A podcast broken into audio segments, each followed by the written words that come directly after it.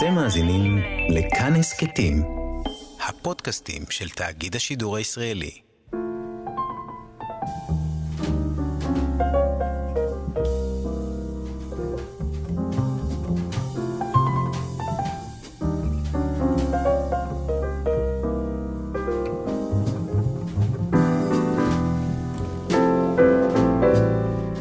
שבת שלום. צהריים טובים. ברוכים הבאים להתבודדות.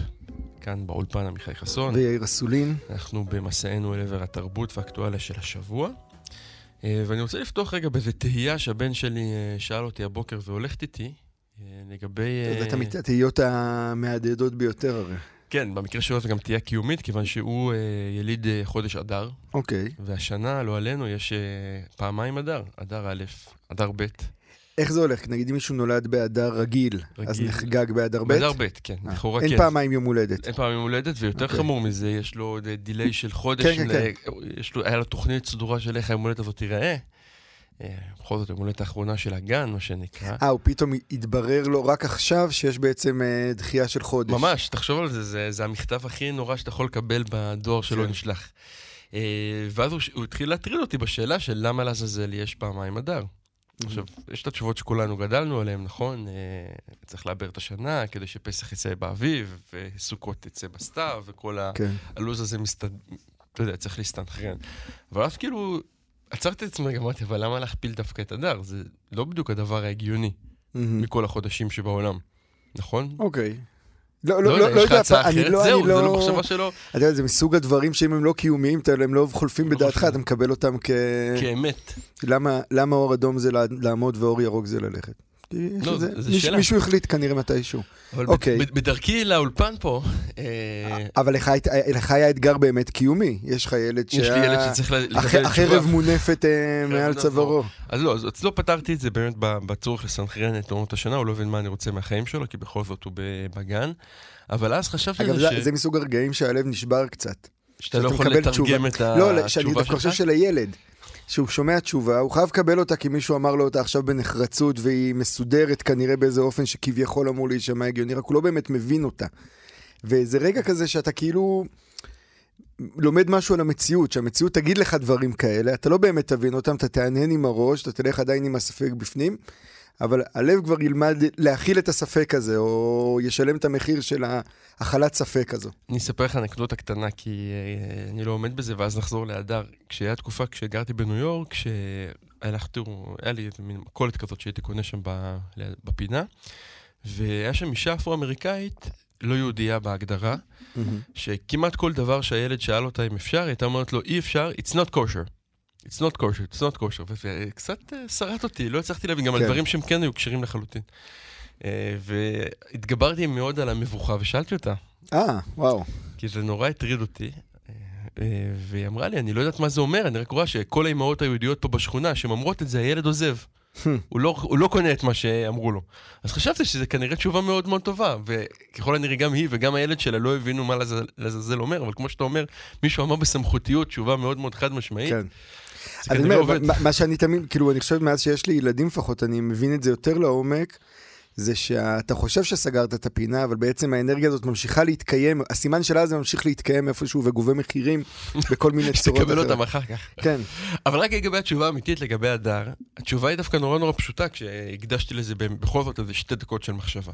הרי הסדר התנ"כי של, אה, של לוח השנה, לא מתחיל בראש השנה, כמו הסדר הכאילו, אה, mm-hmm. בוא נגיד המתקדם, החז"לי.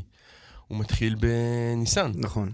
עכשיו, מה יותר הגיוני מלסגור את החודש האחרון? מה החודש האחרון לפני uh, ניסן? אדר.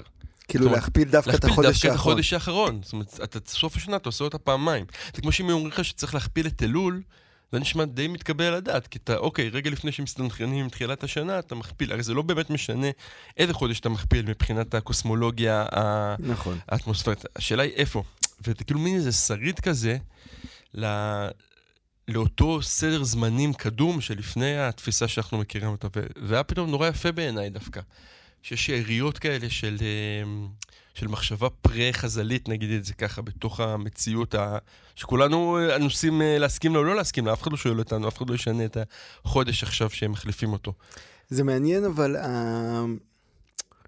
זה, זה, אני, מה שאתה אומר הוא, אפרופו, בדיוק סיפרתי לך שהיינו השבוע בבידודי אה, קורונה, ויצא שבין היתר כדי להעביר את הזמן אה, העומד, אז ראינו הרבה סרטי ילדים למיניהם, וראינו סרט שנקרא קדימה. לא יודע אם ראית אותו, סרט של פיקסאר. כן, כן. ובעצם הסרט הזה בנוי על, בדיוק על מה שאתה אומר עכשיו, על זה שהעולם זז קדימה, התקדם, אנשים נהיו מאוד מודרניים, הם בנו שם איזה, באמת עולם, מבחינה רעיונית, אגב, זה סרט מבריק, כאילו, זה עולם פנטסטי. גם אסתטית. אסתטית, נכון. אסתטית ורעיונית, ויש שם איזה ערבוב כזה בין אה, מציאות לדמיון, כמעט קפקאית כזו. וכל הסרט זה שמתחת לפני השטח עדיין רוכש איזשהו קסם של אה, העולם הישן, העולם העבר הזה. ובסרט ה... שני ילדים יוצאים, מגלים את זה כדי להחיות את אבא שלהם ליום אחד. וזה כאילו זה קצת... כמו מש- עשייה קבלית, תכלס. זה ממש מעשייה קבלית, כי גם, זה גם מעשייה קבלית וגם קצת ברסלבית, כי בסוף הם מגלים שהאמת נמצאת מתחת לבית וכו' וכו' וכו'. אבל הדבר היפה זה פשוט מה שאתה אמרת עכשיו, זה האופן שבו השרידים האלה, של הזמן הלא מדעי, והלא מתוחכם, והלא יודע, והלא, זה קצת כמו שני ראש חודש. כן. כלומר, הסמלים האלה, כשלא התיימרנו לשלוט במציאות, אלא רק הגבנו אליה, עדיין מתקיימים שיש באיזשהו סדר אחר מקומות. בעולם, כן. אני אומר, הרי יש משהו ביהדות, תמיד היהדות הרי איך מתנשאת על האסלאם. היא מסבירה שהמוסלמים אצלם הלוח שנה הוא תמיד נזיל, הם לא יודעים מתי יהיה להם רמדאן, זה תמיד משתנה, ואצלנו הכל מסודר, ברור, אנחנו יודעים, הגדרנו. יש את הכל- לוח הנצח, כן. בדיוק. וה... ואז אתה רואה את כל השיבושים האלה, האלה, כן. את הנקודות שיבוש האלה, כמו שני אדר, פתאום כמו שני ראש חודש, כמו... וזה מזכיר לך שהיומרה הזו לשלוט בלוח השנה, או היומרה הזו בכלל לייצר לוח שנה, אפרופו בידודי הקורונה והשבירות של זה, היא יומרה שהיא מתקיימת רוב הזמן, אבל צריך לזכור שהיא לא באמת מוחלטת כמו שהיא... אמורה כמו להיות. שהיא מתיימרת כאילו להיות. הזמן, הדבר היחיד שאמור להיות, כן, נכון. טוב, אנחנו נהיה עם אה, לא מעט אה, דברים, קפקא וזוהר ונוכל הטינדר, ואי אפשר בלי אה, התופעות האחרונות שכולנו עסוקים בהן. משת- ווופי גולדברג. וויפי גולד. גולד זה לא באמת השם שלה, נכון? זאת זה אומרת, לא היא השם נולדה שלה. בשם הזה. לא, עכשיו הרי בעקבות הסערה אפילו נכתב טקסט על למה היא בחרה דווקא בשם, בשם גולדברג כדי. כשם משפחתה.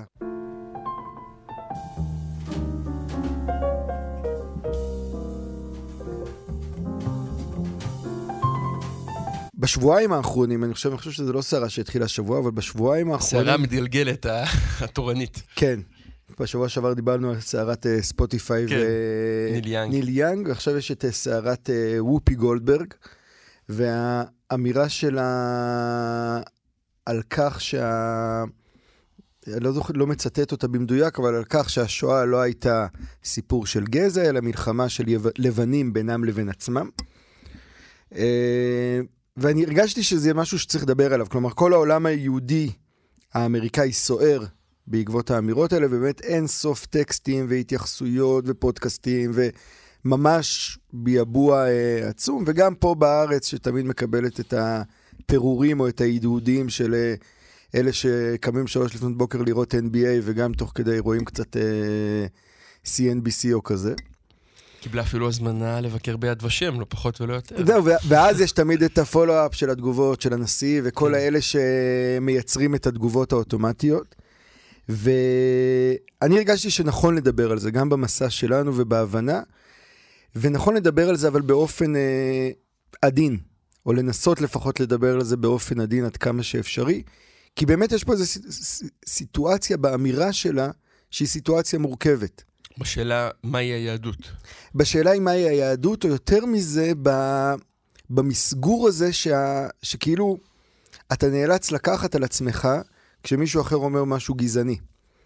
כי בסופו של דבר, מה שאופי גולדברג אמרה, וזה דבר שככה הסתובבתי איתו לא מעט זמן מאז שהתחיל הדיבור הזה, טעם עלם פחות או יותר את, ה... את מה שלימדו אותי בתור ילד. כשלימדו אותנו מהי היהדות אל מול העמדה הגזענית, הנאצית של תורת הגזע וכולי, התפיסה הבסיסית הייתה שהיהדות היא לא גזע. ושמי שמנסה להכניס את היהדות לקטגוריות של גזע, הוא גזען. והראיה תמיד, אה, לפחות מבחינה הלכתית, היא אפשרות אה, להצטרף ליהדות. האפשרות, להצ... זה לא רק להצטרף ליהדות, הרי המשיח הוא תוצר של אישה מואבייה. כן, כן. אומרת, כלומר, ה- המודל הזה של היהדות הוא מודל האנטי גזע המושלם. מודל האדם הכחול הבלתי אפשרי, כן. כן, כלומר, יש איזה משהו, היהדות באמת בזה, אני חושב, לאתוס הזה, וזה קשור הרבה, ל, אני חושב, למונותאיזם ולאל אחד, ולרצון שבסוף יהיה אל אחד לכולם וכולי, אבל יש בוז מאוד מאוד עמוק לקטגוריות האלה, שבהם אה, מצד אחד, אה, כאילו וופי גולדברג משתמשת, כי היא מדברת על גזע לבן, זו מלחמה בתוך הגזע לבן, שזה ברור שזו גזענות. כי היהדות לא מכירה בגזע לבן או שחור, אה, כמאמר אהוד בנאי, מי ידע אם אברהם לא היה שחור. אבל, ה- אבל מצד שני, וזה בעיניי הדבר שהכי תפס אותי, האמירה שלה אילצה המון המון יהודים, בשם כביכול הגנה על היהדות, לאמץ את, הגט, את הקטגוריות הגזעניות האלה, ולהגיד, ברור שזה היה על גזע. וזה איזשהו היפוך שמעלה שאלה שה... אני באמת אני מנסה להיות מדויק. אני- אני אעשה לך את זה אוקיי. בבקשה, מי מגדיר אותך? בדיוק. האם אתה מגדיר את עצמך או שאתה זקוק להגדרה חיצונית? אה, בדיוק, אז יש, יש את הספר אה, הרהורים בשאלה היהודית של ז'אן פול סארטר, שהוא בדיוק מתעסק בשאלה הזו, האם האחר מגדיר אותך, האם האנטישמי מגדיר את היהודי, או שהיהודי מגדיר את עצמו. ואני מרגיש, ואני חושב שאנחנו מדברים על זה פה בתוכנית בהרבה הקשרים שונים, ואולי נדבר על זה גם כשנדבר קצת על הרב מלמד, ובכלל, יש איזו תחושה שהיהדות איבדה את האוטונומיה הפנימית שלה. שמשהו ב, בכניסה הזאת להיסטוריה, משהו בכניסה למשחק הגדול הזה של, של באמת, נגיד, בהקשר האמריקאי של סוגיות של וייטנס וכולי, גרם לה לאבד את היכולת שלה להגדיר את עצמה. ולבוא ולהגיד את התשובה המורכבת הזו שאומרת, האמירה הזו של אופי גולדברג היא גזענית לא כי היהדות היא גזע, אלא כי אנחנו בכלל לא מאמינים בחלוקה של בחלוקה לבנים הזאת. ושחורים. ואנחנו כן מתקיימים בעולם אחר, ואנחנו מייצגים רעיון שהוא הרבה הרבה יותר עמוק מהחלוקות הגזעיות האלה. וזה דבר שהוא... אנחנו- אותי, אבל הוא, הוא גובה רואה- מחירים גבוהים, אני חושב. אבל אתה רואה, אה, אתה יודע, תמיד יש את הרגע הזה שבו אתה מבין ש... אני אומר את זה מכל הצדדים, מהמם. שגם אתה כיהודי וגם הדמות שאתה הכי אה, מתקשה איתה בתוך העולם היהודי, תבחר, כל אחד יבחר לו את הדמות שלו, מה שנקרא. שתיכם הייתם מוצאים את עצמכם אה, באותו מחנה השמדה ככל הנראה, נכון. כי מבחינת הנאצים זה לא כל כך משנה להם שאתה כזה ואתה כזה, שתיכם נכנסתם לתוך הקטגוריה הזאת. ויש משהו שהוא מצד אחד נורא מדכדך נכון. בהבנה הזאת, ויש בזה דווקא משהו שתמיד אה, מאוד משמח אותי, בצורה קצת אולי מוזרה. כלומר, ההבנה הזאת שיש שלב שבו ההבדלים האלה שנראים לנו אולי אה, משמעותיים בצורה כזאת או אחרת, נמסים אל מול האחר שרואה אותנו בצורה חד משמעית. נכון. ובמובן הזה, גם האמירה של, אה, של גולדברג היא כאילו, היא, אתה יודע, זה כמו שאנחנו, המון פעמים, אני לא יודע להבחין בין אסייתים. אה, אני לא יודע, כנראה שיצלבו אותי בעקבות האמירה הזאת, אבל ת, תניח לידי אנשים שמוצאם מסין, יפן ודרום קוריאה, יהיה לי קשה מאוד עבורי עם איזה מושג כולל שהם אסייתים. אני לא יודע לה, לה, להבחין בניואנסים ביניהם, אה, ואני חושב שבמובן מסוים זה מה שהיא ניסתה להגיד. כלומר, בעולם שבו אי אפשר להפריד, שהסממן היחידי הוא סממן אה, חיצוני, עכשיו, יש פה חוסר הבנה מוחלט של ההיסטוריה, כן? בהקשר היהודי, ספציפית גם בהקשר של מלחמת העולם השנייה, כי זה בדיוק מה שנעשה. מה ש... נעשתה הפרדה שהיא היא לא מבוססת על מראה עיניים, אלא היא מבוססת על אתוס אחר לחלוטין, או לא, אתוס היא זה לא על לא אתוס, מילה. זה בדיוק אה, העניין, כן. היא, היא הרי מבוססת על היומרה שאפשר לחלק את העולם לגזעים. כלומר, על אגב, ראוי לומר שיהודים לקחו חלק במשחק הזה בתחילת המאה ה-20 מאוד חזק, רופאים יהודים וכולי. בניסיון להגיד שיש בניסיון- גולגולת יהודית. לנסח, ו- תא- כן. לנסח תיאוריות גזע מסוגים שונים. אוטו ויינבר, אה, אוטו ויינינגר, לקח את זה פילוסופית, אבל היו ממש מדענים ש- שככה קיבלו את ה... פילוסופיה ש... נכון. ש- בהחלט. אני, אני מרגיש שבעיניי הדבר המעניין דווקא הוא כשאתה נמצא במחנה הזה, עם כל היהודים סביבך, וכולכם נמצאים שם בשם איזה תורת גזע שמתיימרת לאבחן אתכם כגזע. האם אז, וזו שאלה שבאמת כאילו היא, היא, אני חושב היא שאלה לחיים, כי היא לא מתקיימת רק במצבי קיצון הבלתי נתפסים האלה שלא באמת אפשר לדבר עליהם, של מחנות וכאלה, אלא היא מתקיימת ממש ביום-יום, האם אז אתה בעצם מקבל על עצמך את החלוקה הזאת שהכניסה אותך לקטגוריה הזו, או שאתה עדיין יודע להגיד, לא, אני משהו אחר. ואני מרגיש שזה מתח שהנגזרת שלו היא חופש. כלומר, הנגזרת של חירות היא בדיוק זה, היא היכולת הזו לבוא ולהגיד, אני מגדיר את עצמי. אני לא נכנע לכוחות גדולים, וזה היה, אגב, כוח העל של היהדות מאז ומעולם היה זה, לבוא ולהגיד, אני מגדיר את עצמי באופן אוטונומי. יש לי את השפה שלי, את המשחק שלי, את האתוס שלי, את הסיפור שלי. הוא לא מתאים אגב לשום סיפור אחר. אנחנו נדבר אולי קצת, אפרופו מה שקרה השבוע באמת עם המשטרה ו-NSO וכולי. היהדות אף פעם לא התאימה לאתוס הזה של מדינות לאום, של אה, גופים כאלה, היא לא, היא, היא לא פעלה במשחק הזה ולא שיחקה אותו, היא לא מוגדרת על ידי טריטוריה, וזה לא השפה שלה. ואז השאלה אם אתה מגדיר את עצמך על ידי עצמך, על ידי הטקסטים שלך, על ידי הסיפור שלך, או שאתה נכנע, וזה לא, אני לא אומר את זה באופן שיפוטי, כי קשה מאוד לא להיכנע, ללחץ הזה של המציאות מבחוץ, שמנסה לגרור אותך לקטגוריות מסוימות. ובפרט בתוך המצב האמריקאי הזה, ש... כל הזמן מנסה לפרוט דברים לתוך קטגוריות מסוימות. כלומר, במקביל לאמירה שלה, גם יש את כל הדיון הזה של אה, אה גויים שמשחקים יהודים. אה, עם אה, גולדה מאיר עכשיו, גולדה מאיר עכשיו, כן. עם... אה, אה, אני לא זוכר איך קוראים לקומיקאית הזאת, אה, שיצאה מאוד כן, חזק. כן, שרה סילברמן. שרה סילברמן, שיצאה נורא חזק נגד הדבר הזה, וזה גם משהו שאתה כאילו, אתה מבין שיכול להתקיים בתוך טריטוריה כזאתי. שהיא לא הטריטוריה אה, שאנחנו מרגישים בבני בית, אני אגיד את זה בעדינות. אני לפחות לא מרגיש בנוח עם השאלות האלה, כי אני מרגיש שהן שאלות שהן אה, באמת כל הזמן יוצאות מנקודת הנחה שמישהו אחר מסתכל עליך. שהמבט שבו אתה בוחן את עצמך הוא המבט של האחר, והוא לא פנימי, הוא מבט חיצוני. ואני חושב שזה גם אומר, אומר הרבה מאוד דברים על אמריקה עכשיו, ועל, כן. ועל האקלים התרבותי שהיא נמצאת בו. אני, אני, אני חושב שאתה אומר משהו שהוא סופר סופר חשוב, ב, ב, וככה באמת בשבועיים האלה אני חושב הרגשתי אותו מאוד חזק. וזה שכל מה שאני אומר פה, בסופו של דבר נאמר מה, באמת מהעמדה הפריבילגית שלי כיהודי ריבון במרחב. אל מול השיח של יהודים אמריקאים, שלא משנה כמה הם יספרו לעצמם ויספרו לעולם. את סיפור ההצלחה. ואת סיפור ההצלחה, ואת, ה, ואת העובדה שבארצות הברית כולם קוקה קולה בחוץ, ואין באמת חסד, חלוקות כן. וכולי וכולי. בסופו של דבר התודעה הזאת של המיעוט במקום אחר היא תודעה אחרת לגמרי, ולכן גם זה, זה דבר שצריך, זה כוכבית שצריך לסמן אותה אה, אל מול השיח האמריקאי.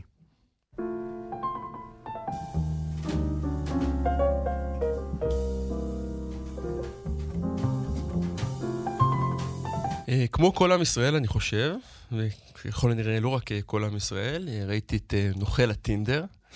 הסיפור הבאמת, אי אפשר לדבר עליו בלי איזשהו מימד של חיוך, כי הוא כל כך מופרך, של בחור מבני ברק, שהחליט uh, שהוא יכול להחליף את זהותו להיות uh, לכאורה הבן האבוד של, לא אבוד, הבן הלא מוכר של לב לבייב, uh, ולייצר איזה מהלך עוקץ באמת כאילו, עוד רגע נדבר על, על לדעתי שזה חלק מהקסם. רק אני אומר שהמאזינים הרי לא, לא רואים את החיוך ה...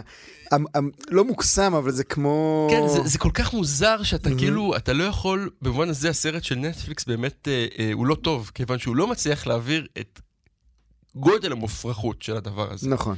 את הסדר גודל הפשוט לא נתפס. ואני אה, אני רק אגיד, הבן אדם... אה, אה, עטה על עצמו את הזהות הזאת, אה, מצא את עצמו בכלא בפינלנד, התשחרר בכלא בפינלנד, היה גם בכלא בישראל, חזר, הוא, הוא די הונה פשוט, בסרט רואים שלוש בחורות כאלה, אה, שהוא מרעיף עליהם אה, טובות הנאה כאלה ואחרות, ואז באיזשהו שלב, בשלב אפילו די מהיר למעשה, אה, נזקק כאילו לעזרתם, הן עוזרות לו בסכומים בלתי מתקבלים על הדעת, כמובן שהוא עוקץ אותם בדרך לעקוץ את האישה הבאה. Mm-hmm. בסופו של דבר הוא ישב פה בכלא, היום הוא איש משוחרר. אגב, ש... אני, אם אני לא טועה, תקן אותי עם זה, זה בזמן, בזמן, ברגע מסוים התקשורת הישראלית דיווחה על זה באמת כבן שבין לב לבייב שהסתבך. ב... כן, שלוש שניות, אבל, אבל היה איזה רגע כזה, כן, כן. מי שדווקא אה, עלו על זה, זה, זה דווקא התקשורת הנורבגית, האמת היא בתחקיר אה, די מרשים. הדבר הבאמת מדהים פה זה שהאיש מסתובב חופשי. אה, קנה לא מזמן אה, לא מעט אה, מודעות ענק בתל אביב, שמנסות לקדם את החברה החדשה שלו ואת עצמו, מתראיין בערך כל יומיים לכל תוכנית אפשרית. ממש מסע אתי קרייף כזה, כאילו של... לא, באמת. לא, סתם צחקתי על ה branding שכבר נוצר, מסע אתי קרייף. לא, של לסחוט את הלימון, זאת אומרת, הוא עכשיו, יש לו סדרה בנטפליקס, זה לא משהו שהסדרה כאילו מציגה את גנותו. כן. הוא ינצל את הפרסום. אני, אני רוצה לדבר על שתי דברים שתפסו אותי ב, בסיפור הזה. אה, אחד מהם אולי מובן מאליו, אבל פתאום כשאתה רואה את זה מול העיניים, הוא... הוא נתפס לך נורא חזק. כשאתה קורא סיפורים, אה, נגיד של ימי הביניים, או גם סיפורים שקרו בתחילת העת המודרנית, יש תמיד את הרגע הזה שאדם יכול אה, להחליף זהויות פשוט במעבר מארץ אחת לארץ אחרת. בעולם שהמידע כל כך אה, אה, מצרך נדיר, אתה יכול לנהל קריירה שלמה באיסטנבול, ולעבור אחר כך ללונדון, ולהיות איש חדש עם סיפור חדש, ואף אחד לא יוכל לקשר בין האיש הזה שהיה בלונדון לבין האיש שהיה באיסטנבול. יש פה שתי בריאות שונות. ולכאורה העידן הזה של מידע, או של עודף מידע שאנחנו נמצאים בו, של האינטרנט, נושא שחביב עלינו כאן, כאילו אומר, לא, הנה, הכל נגיש. כביכול. כביכול. אתה יכול... הדבר המדהים ששלושת האנשים האלה אה, מצהירות כל הזמן שהם עשו גוגל. כאילו, מה אתם רוצים מאיתנו? אנחנו... אה, בדקנו. ראינו את השם שלו. עשינו גוגל, ראינו שבאמת יש בן אדם כזה, ראינו שבאמת יש חברה כזאת, יש באמת איש גם קוראים לו לב לבד, כאילו הכל מסתדר. ויש משהו בתמימות הזאתי, אה, שאני חושב שכולנו אה, חולים בה. כולנו, כל מי שחי את העולם המודרני, שהמחשבה הזאת היא שבאמת הגוגל יפתור לנו את ה... שהמידע שנקבל בתוצאות הראשונות, אנחנו אף פעם לא נעמיק בדרך כלל, רוב האנשים, ברוב המקרים, לא יעמיקו מעבר לשתיים, שלוש התוצאות הראשונות שהם יקבלו, ומבחינתם הם יתקבעו. כמעין אמת. והמצב שהסרט הזה מראה הוא כמה קל דווקא בתוך, דווקא בתוך עולם שופע מידע, מלא וגדוש, לזייף את הזהות שלך בקלות הרבה יותר גדולה, דווקא מתוך נקודת המוצא שבו, הרי מה זאת אומרת? כל המידע נגיש. כלומר, המשחק שהוא משחק הוא, הוא במובן הזה, וזה אולי חלק מהקסם, אתה יודע, יש את השאלה הזאת של למה אנחנו צופים בדבר הזה. למה אנשים צופים בחיים אתגר, חושף כל שבוע אה, מתחזה בצורה ש- זו סליזית, שלא ברור לך מי יותר כן. סליז, חיים אתגר, או המתחזה, או הכל שם מוזר, או, או, או, וגם הסרט הזה, מה התאווה הגדולה שלי לצפות בו, של כולנו? למה האיש הזה מוזמן לכל כך הרבה אה, כתבות עיתונות? למה אנחנו משתפים את הפעולה? ותשובה אחת היא באמת באזורי אה, אה, תקרה, איפה הרצון הזה של אה, לאבד בושה, של כמה, זה חזק, אה, הקתרזיס הזה של מישהו שכאילו נתפס ב, ב, בשפלותו, ולא רק שלא מתבייש ומבקש סליחה, אלא ההפך. אומר, אה, נו, מי- מי אתם אלוהי המוסר שתגידו לי משהו? אני, אני אחגוג את, אה, את הבחירה שלי לא לשתף פעולה עם המשחק שלכם. הייתם בעצם נורא רוצים להיות כמוני, אתם פשוט לא מעיזים. והתשובה השנייה היא שאני חושב שאנחנו מאוהבים באפשרות הזאת של להבין כמה אנחנו יכולים להיות מטומטמים. מעניין. אנחנו, אתה יודע, זה כמו אה, אה, החוויה של לצפות בפספוסים עם יגאל שילון, שחזר לאחרונה ל- לחיינו. לחיינו עם הסרט המשונה הזה ש, שהוא עשה עם ארז טל. כאילו, זה, זה מגיע מאיזה מקום שאנחנו קצת... אולי, אני לא יודע, אני לא פסיכולוג, אני לא יודע לאבחן כן. את הדברים האלה, אבל אני חושב שאנחנו קצת נהנים מהאפשרות הזאת לדעת שאפשר לעבוד עלינו. שאולי אנחנו- החיים שאנחנו רואים אותם אנחנו- כמשהו חד אנחנו משמעי כל כך... נהנים, או שבעצם אנחנו...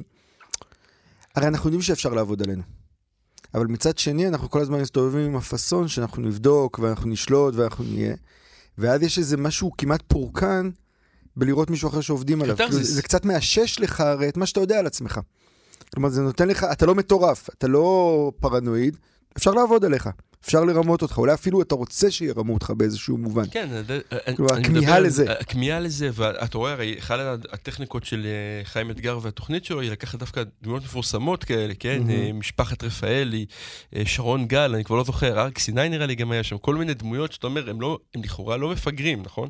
הם אנשים שאמורים, הם הם מורמים מעם באיזשהו מקום, כן. וגם הם נפלו בפח. זאת אומרת, שותפות הגורל הזאתי. וזה קשור קצת אולי לשיחה הבאה שעוד רגע תהיה לנו על המשטרה באיזשהו מקום, או על ההבנה הזאת שאף אחד לא ייקח על זה אחריות. אז, אני, אני חושב שזה קשור באמת לדבר הזה, בא בעיקר, כי אני חושב שהכל בסוף טמון באיזה רצון שלנו להאמין. כלומר, אני חושב שה...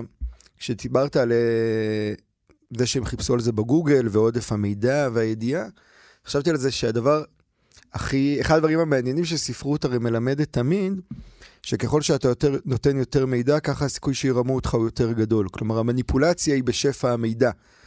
ותמיד רואים את זה, כלומר, גם באמת ביצירות ספרותיות וגם uh, בחיים, uh, יש כל מיני דוגמאות שאפשר לתת, על איך זה שאני חושף לך מידע בעצם רק אומר לך, תסתכל מה יש מתחת, כן. כי כנראה אני מסתיר ממך משהו. ויש משהו, אני חושב, ברצון האנושי הזה, אה, להאמין.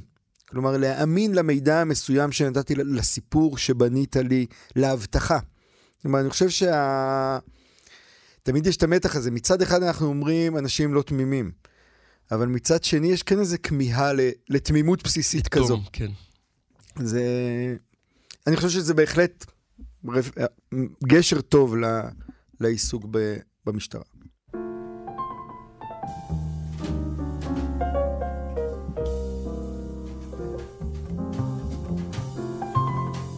אז אני באמת אה, חשבתי שאי אפשר להעביר את, ה... את השיחה השבוע בלי לדבר על, ה... על הפצצה הזו כביכול, הדבר המובן מאליו או לא מובן מאליו שהתגלה. ה... כמובן אנחנו מדברים על הגילויים שהתפרסמו בכלכליסט, סביב אה, האזנות כאלה ואחרות אה, הש- של היכולת של המשטרה. המשטרה להשתמש במידע שהיא לא אמורה להשתמש בו, נראה את זה ככה. אפילו לא להשתמש, יכולת שלה להגיע למידע להגיע הזה. בכלל לא להיחשף אליו. ממש התחלנו את התוכנית, אולי אחת התוכניות הראשונות שלנו, אה, שהקלטנו, הייתה סביב הפרשה הזאת של אה, ה- אה, המאגר ביומטרי. Mm. אני לא יודע אם אתה זוכר, יכול להיות שבארכיון התוכנית נמצא את זה. ו- אה, והדיבור הזה היה, שמה זאת אומרת, זה היה סביב ארי- אריה דרעי שבינתיים אה, הורשע וכולי. כמובן, גם זה, אה, שמה זאת אומרת, המשטרה תשמור על טביעות האצבע של כולנו, והיא לא תעשה בזה שום שימוש, ואתה כאילו חושב על המשפט הזה, ועל כמה הוא היה מופרך אז, וכמה הוא מופרך היום, גם לאור הידיעה. ואוקיי, סליחה, תמשיך. לא, לא, זה, זה, זה, זה בדיוק זה. כלומר. הדבר שאותי תמיד תופס בדברים האלה, וזה תופס אותי כבר כמה שבועות, סביב מה שקרה במוזיאון רמת גן ודיברנו עליו פה, וסביב הפליאה עם אהרון ברק, ועכשיו סביב המשטרה, כלומר, תמיד יש את הפליאה המטורפת הזו, הוואו הזה, כן. הייתכן, הלא האמנו, מי היה מאמין, הרי, הדבר הזה, הרי הבטיחו לנו שככה וככה וככה. וחשבתי שההתייחסות הכי רלוונטית של זה היא דווקא להקריא את אחד הטקסטים אולי המכוננים של מחשבה על, על היחסים בין אדם אל מול המערכת, שזה טקסט מתוך הרומן המשפט של פרנס קפקא. שגם עמד בנפרד. נכון, כן. וגם מתקיים בנפרד ונקרא לפני החוק, והוא הטקסט שהמשל שהכומר נותן אה, ליוזף קוף, על זה שמסרב להאמין שהמערכת היא כזו. לפני החוק עומד שומר סף. אל שומר הסף הזה בא איש מן הכפר ומבקש רשות להיכנס אל החוק. אבל השומר אומר שעכשיו אין הוא יכול להרשות לו להיכנס. האיש חושב רגע ושואל אם יורשה לו להיכנס אחר כך. אולי אומר השומר, אבל עכשיו לא. מאחר שהשער אל החוק פתוח כתמיד, והשומר זז הצידה, האיש מתכופף כדי להציץ דרך השער פנימה. השומר רואה זאת והוא צוחק ואומר, אם זה מושך אותך כל כך, נסה להיכנס בכל זאת, למרות האיסור שלי. אבל שים לב, אני חזק מאוד, ואם אינני, ואני אינני אלא אחרון השומרים. ובין אולם לאולם עומדים שומרי סף שכל אחד חזק מחברו. וכבר השומר השלישי מראהו קשה מנשוא אפילו לי. קשיים כאלה לא צפה האיש מן הכפר. החוק הרי חייב להיות פתוח לפני כל אחד ואחת ובכל עת. הוא אומר בליבו, אבל עכשיו, כשהוא בוחן ביתר עיון את שומר הסף במעיל הפרווה שלו, את אפו המחודד הגדול, את זקנו הטטרי השחור, הארוך והקלוש, הוא מחליט שבכל זאת מוטב לו לחכות עד שירשה לו להיכנס. השומר נותן לו שרפרף ומושיבו בצד הפתח. שם הוא יושב ימים ושנים. פעמים רבות הוא מנסה לקבל רשות להיכנס ומלאה את שומר הסף בהפצרותיו. לא פעם השומר חוקר אותו קצרות, שואל אותו על מולדתו ועל דה ועל הא, אבל מתוך שוויון נפש, כדרכם של אדונים חשובים, ובסוף הוא שב ואומר לו תמיד שעדיין אינו יכול להרשות לו להיכנס. האיש, שהצטייד היטב לקראת מסעו, משתמש בכל מה שיש לו, יקר ככל שיהיה, כדי לשחד בו את שומר הסף. והשומר אמנם אינו מסרב לקחת כלום, אבל שב ואומר, אני מסכים לקחת את זה, רק כדי שלא תחשוב שהיה משהו שיכולת לעשות ולא עשית.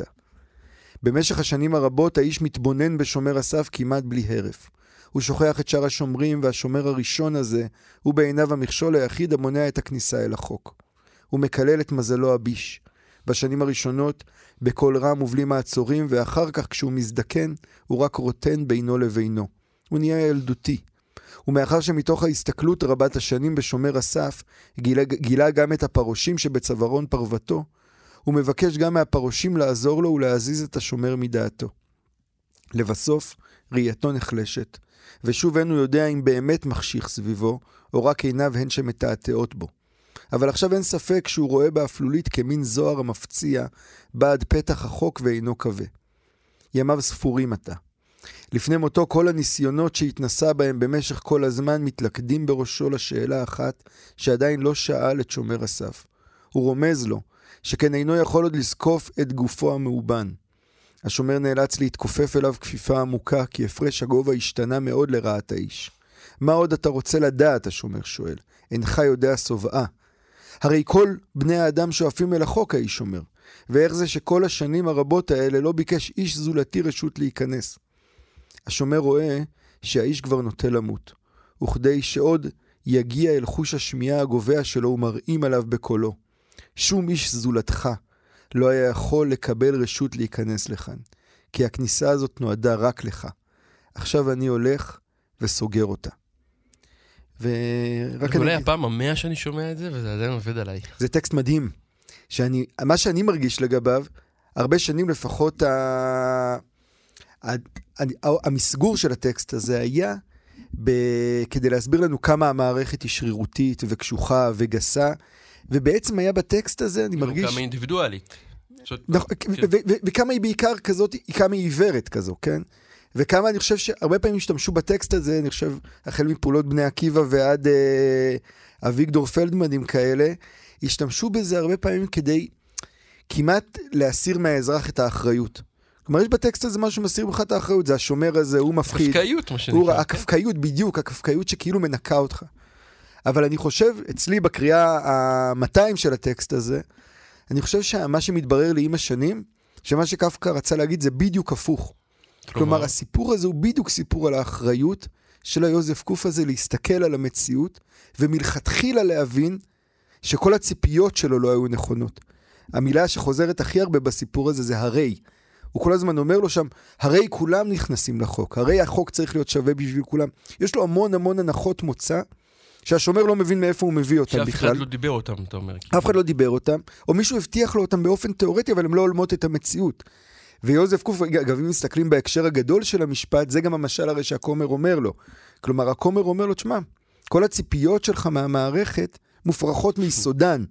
כלומר, ההכרח שלך כאזרח זה היכולת לא לכפות על המערכת את הציפיות שלך, אלא להכיר במה המערכת באמת. כלומר, יש לנו המון הבטחות שהמערכת מבטיחה לנו. לא סתם הרי האיש הזה הוא בא מהכפר. הוא כאילו לא חלק מהמשחק, הוא זה שהגיע מבחוץ והבטיחו לו משהו. ואז הוא מגיע ורואה שהדבר הזה לא מתקיים. אבל במקום להסתובב וללכת ולהגיד הדבר הזה לא מתקיים, או הדבר הזה לא נכון, הוא נשאר שם ליד הדלת ומתעקש. עכשיו, ההתעקשות הזו, אני חושב, אני אומר, לפחות תמיד, תמיד במה שאני שמעתי, היה בזה זה כאילו גבורה כזו. ההוא שמתעקש שנשאר ליד החוק ומסרב ללכת. ואני חושב שקפקא כמעט בז לבן אדם הזה שמתעקש להישאר ליד החוק, הוא מתעקש להישאר ליד הדלת הזו, ולא אומר, המציאות הזו לא מתנהלת ככה. מה שהבטיחו לי הוא לא באמת מה שמתקיים, והרומן המשפט הרי נגמר ב... בביטוי הזה כמו כלב, שיוזף קוף אומר לעצמו, ומתאר בעצם את גורלו. ונדמה לי שמה שקפקא קצת רוצה להגיד זה שהאדם הזה שמסרב להתנתק, שנאחז בהבטחות האלה שהמציאות לא הולמת אותן, אה, גורלו הוא קצת לסיים כמו כלב. ואני מרגיש שאולי זו האמירה הכי רלוונטית שאפשר להגיד על כל השיח שהיה השבוע הזה.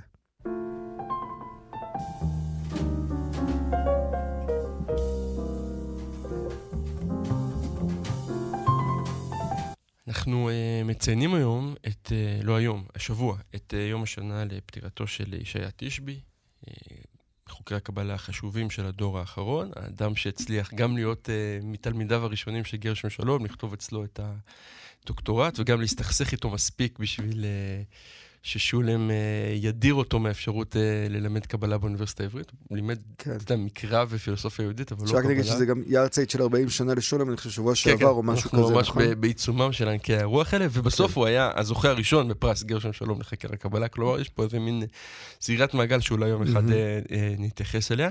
והסיבה ששולם כל כך רגז על תשבי, הייתה מה שנקרא משנת הזוהר, או מה שאחר כך יצא בגרסה של אה, פרקי זוהר, יצא בכל מיני מהדורות ובכל מיני גרסאות, וזה בעצם ניסיון ראשון ומהפכני לתרגם את הזוהר לעברית כקטעים, לא כמערכת, היה כמובן תרגום. highlights, קטעים. נבחרים. לגמרי, גם התרגום הראשון השלם, כאילו של הזוהר, של הסולם, הוא תרגום די מאוחר, במשך שנים נכון. פשוט הוא לא תורגם, יש היום גם את התרגום של המתוק מדבש, שתיהם תרגומים מאוד מאוד בעייתיים, כל אחד... אה, הם פרש- הם יותר פרשנות כן, מתרגום. בדיוק, הם, הם, הם אה, תרגומים פרשניים מאוד, עם פערים גדולים. היה פה ניסיון לתת, אני חושב, לייצר תרגום מדעי. גם מדעי וגם... כביכול, גם פה יש פרשנויות. יש פה כן. פרשנות, אבל אני חושב שהדבר הכי יפה, ועכשיו אני אקרא ככה לקראת פרידה קטע ממנו, אה, לתשבי היה המון יומרות ספרותיות. אני לא יודע אם יצא לך פעם לקרוא את הסיפורים והשירים שהוא לא, כתב. לא. זה נורא מעניין. אה, הם לא אה, מדהימים, אבל אתה רואה שיש שם איכויות מאוד מאוד חזקות של מישהו. שיש לו רגישות יפה לשפה. מעניין. אני לא יודע כמה יש לו רגישות לסיפור, וזה אולי מה שאולי גרם לו לא להיות אה, אה, דמות חשובה מהבחינה הזאת כ...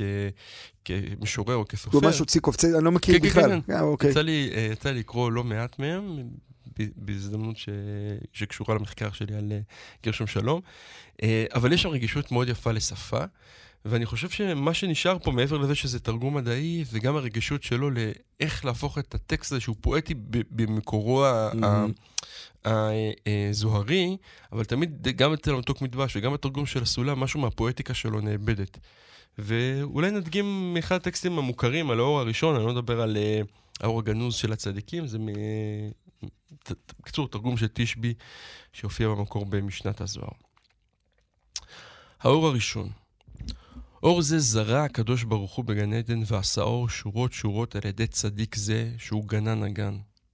ונטל אור זה, וזרע אותו זרע אמת, ועשה אותו שורות שורות בגן. והוליד והצמיח ועשה פירות, ומהם ניזון העולם. וזה שכתוב, אור זרוע לצדיק, וכתוב, כגנה זרועיה תצמיח. ומהי זרועיה? אלה זרעי האור הראשון, שהוא זרוע תמיד. עכשיו הוליד ועשה פירות, ועכשיו זרוע הוא כבראשונה, בטרם יאכל העולם פרי זה. מוליד זרע זה ונותן פרי, ואינו שוקט. ועל כן כל העולמות ניזונים באספקת הגנן ההוא הנקרא צדיק, שאינו שוקט ואינו פוסק לעולם, אלא בזמן שישראל בגלות. ומה שיפה פה, קודם כל זה הרעיון הזה של הזוהר, של אור כמשהו שאפשר לשתול אותו, מהמם. כמשהו שאתה, כמו שאתה מגדל איזה עץ אה, פרי גדול, אתה זורע, הגנן זורע כן. את הצדיק כ- כ- כגנן, זורע את האור הזה שעוד ישרת, עוד יעשה פירות לאורך אה, כל ההיסטוריה. אבל גם הבחירה של תשבי, אפרופו קפקא. אפרופו קפקא, נכון, גם הבחירה של תשבי, אה, לא לשחק עם זה. זאת אומרת, להציב את זה כמו שזה. אה, בלי, יש פה הרי, כשהסולם מתרגם את זה, זה הופך להיות אה, המלכות והחסד. לא כל- לשקול המטאפורה. בדיוק, אלא להישאר רגע בסיפור עצמו וברעיון עצמו, ואני חושב שזה בכלל, אנחנו קוראים פה המון ממשנת הזוהר, נכון. ובצדק.